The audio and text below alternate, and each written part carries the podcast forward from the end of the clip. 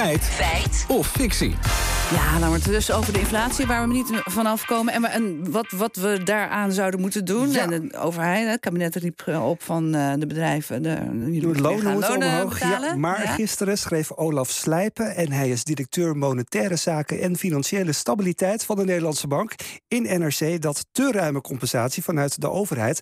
de prijzen alleen maar doet opdrijven. In andere woorden, het maakt de inflatie alleen maar erger.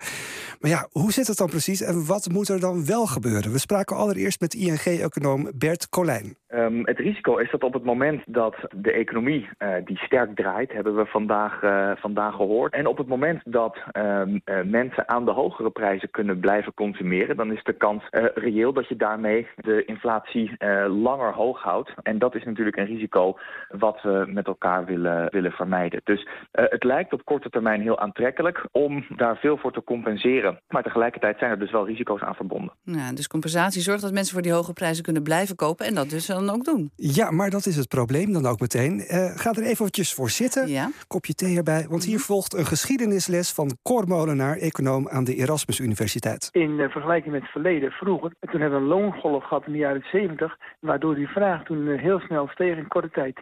En dan kon het aanbod niet bijbenen. Vandaar moest die vraag afgeremd worden. Maar wat we nu zien, is niet dat de vraag zozeer stagneert. De prijzen stijgen omdat het aanbod zo weinig is. Dat is een ander verhaal. En als je dan nog meer geld aan mensen gaat geven, dan, eh, ja, dan stijgt die vraag nog sterker, doordat het aanbod eh, zich niet kan aanpassen. Ja, maar de overheid heeft nu gezegd dat de werkgevers de lonen moeten verhogen. Eh, heeft dat dan zin? Hè? De, de overheid is natuurlijk zelf ook een grote werkgever in Nederland.